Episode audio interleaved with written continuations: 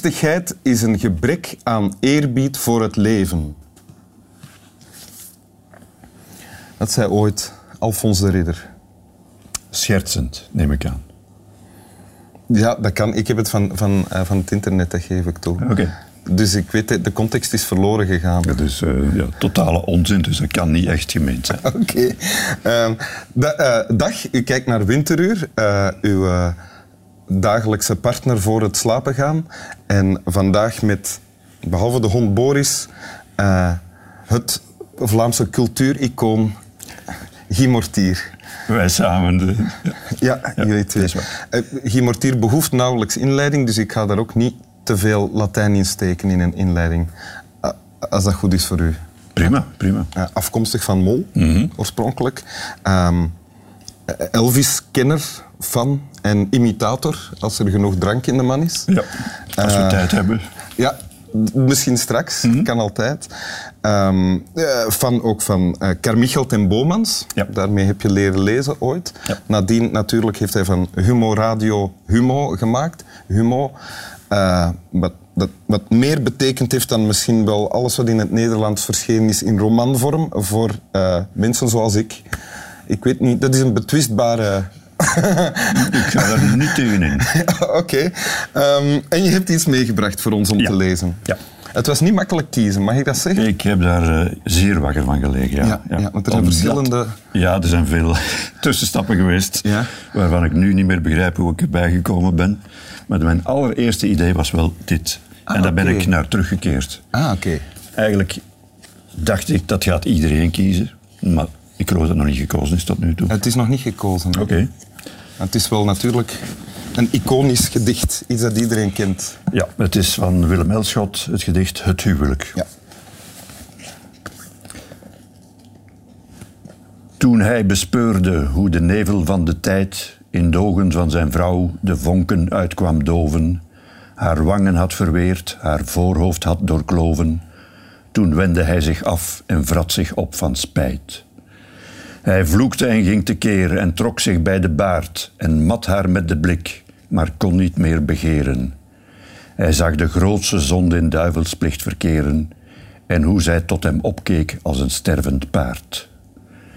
Maar sterven deed zij niet, al zoog zijn helse mond het merg uit haar gebeente, dat haar toch bleef dragen. Zij dorst niet spreken meer, niet vragen of niet klagen, en rilde waar zij stond, maar leefde en bleef gezond. Hij dacht, ik sla haar dood en steek het huis in brand. Ik moet de schimmel van mijn stramme voeten wassen en rennen door het vuur en door het water plassen, tot bij een ander lief in enig ander land. Maar doodslaan deed hij niet, want tussen droom en daad staan wetten in de weg en praktische bezwaren, en ook weemoedigheid die niemand kan verklaren en die des avonds komt wanneer men slapen gaat. Zo gingen jaren heen. De kinderen werden groot en zagen dat de man die zij hun vader heten, bewegingloos en zwijgend bij het vuur gezeten, een godvergeten en vervaarlijke aanblik bood. Punt. Punt. Ja.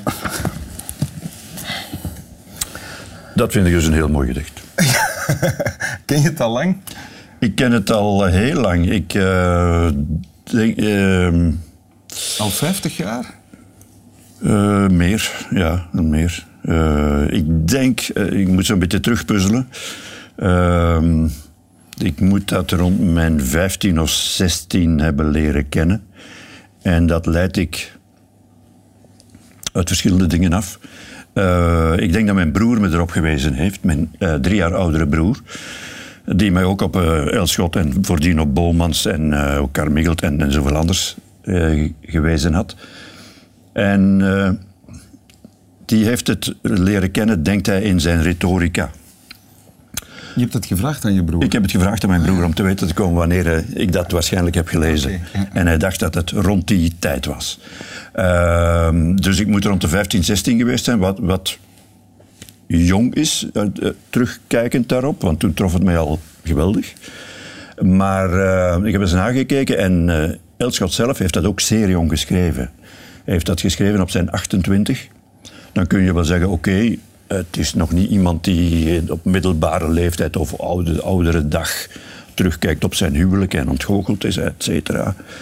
Ehm, hij was toen op dat moment al vader van een kind van uh, dat uh, acht jaar was. En nog een dochtertje van, van één jaar. Ja. Um, hij, was, hij zat wel in een situatie, denk ik, dat hij al daar een gevoel bij kon hebben. Want hij was als, als jonge student een echte bohemien geweest. Mm -hmm. uh, je bent nu aan het achterhalen of de Elschot die dit schreef, dit al voelde. Hè? Eigenlijk wel. Ja. ja. En dat weten we niet natuurlijk. Dat weten we niet. Nee, nee. Ja.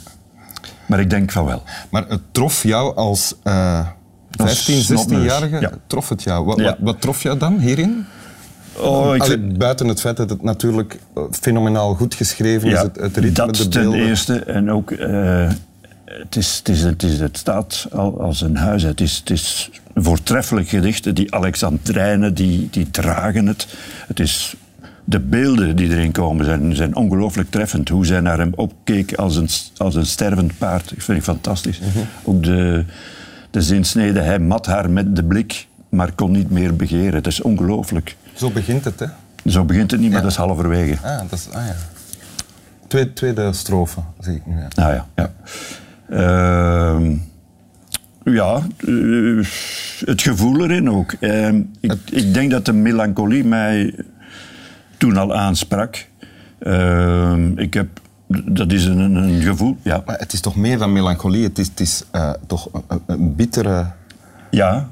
donkere, illusieloze dat verhaal is, eigenlijk. Dat is zo, maar ik denk dat, je, dat, uh, ik denk dat wat op mij overkwam...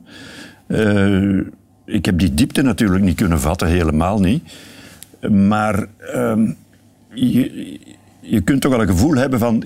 Kijk, het leven is niet wat het wat je in je beste momenten als kind en zo, als alles heel goed gaat en je bent vrolijk en opgewekt, het leven is niet wat je denkt dat het wordt. Dat zag ik daarin. Ja. Maar, want ik denk ook dat uh, ook een, een, een, jonger kind kan dat gevoel hebben, denk ik, van uh, een kind dat altijd thuis is uh, blij opgevoed, dat gaat naar school en er komt ineens jongens tegen die zeggen, boem, stomp op uw gezicht en zo en jij mocht niet meedoen. Ja. Ik denk dat een kind op dat moment ook al zoiets heeft van, hé, hey, ik begrijp het niet, maar het leven is niet wat ik denk, zonder dat te kunnen verwoorden. Maar iets, iets van melancholie dat je nog niet kunt benoemen, maar dat er al is. Dat is een beetje een ondertoon, lang bij mij ook geweest, zonder dat dat hinderlijk werd. Voor je omgeving? voor mijn omgeving wel, voor maar niet voor mij. Oké. Okay. Uh, ja, voilà, kijk. Ja. En nu, de, nu zijn we... Uh, 60 jaar later, nog niet, 55 jaar later. Zoiets, ja. ja. Zoiets, ja. Uh, lees je dat dan nu anders dan toen?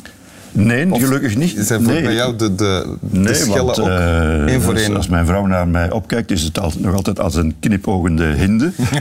dus, uh, Zo heb je haar gedrild. No fucking mij ja, dat. een karwats die altijd bij de hand is. Ja. Nee, helemaal niet. Uh, nee, het is voor mij nog... Uh, elke keer als ik het opnieuw lees, dan vind ik het heel, heel sterk. Ik ken niet zoveel gedichten die dat hebben.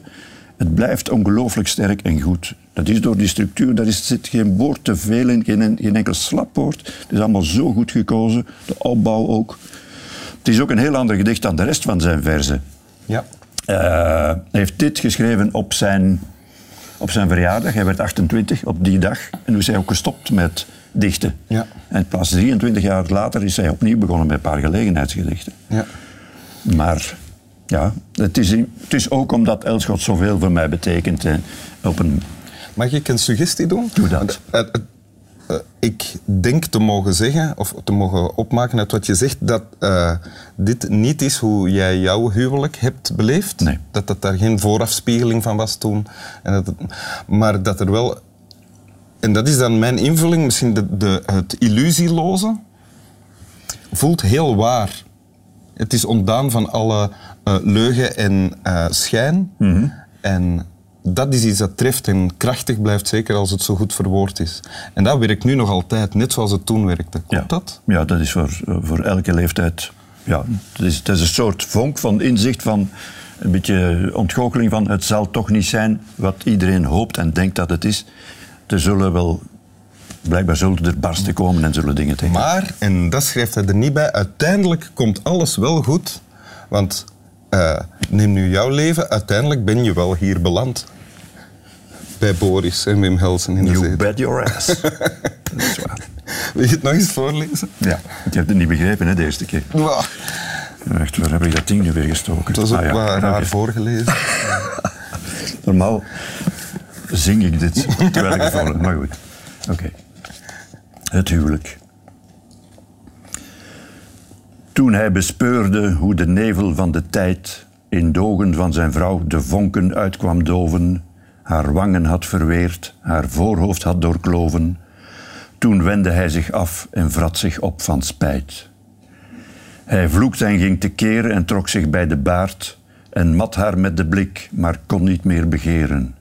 Hij zag de grootste zonde in duivelsplicht verkeren en hoe zij tot hem opkeek als een stervend paard. Maar sterven deed zij niet, al zoog zijn helse mond het merg uit haar gebeente dat haar toch bleef dragen. Zij dorst niet spreken meer, niet vragen of niet klagen, en rilde waar zij stond, maar leefde en bleef gezond. Hij dacht, ik sla haar dood en steek het huis in brand. Ik moet de schimmel van mijn stramme voeten wassen en rennen door het vuur en door het water plassen, tot bij een ander lief in enig ander land.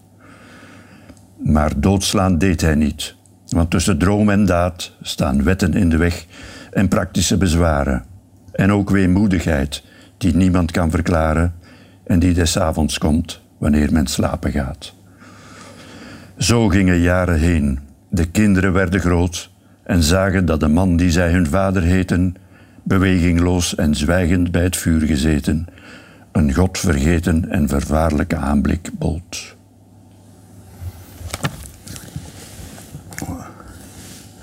Dank u. Alsjeblieft. Slaap wel.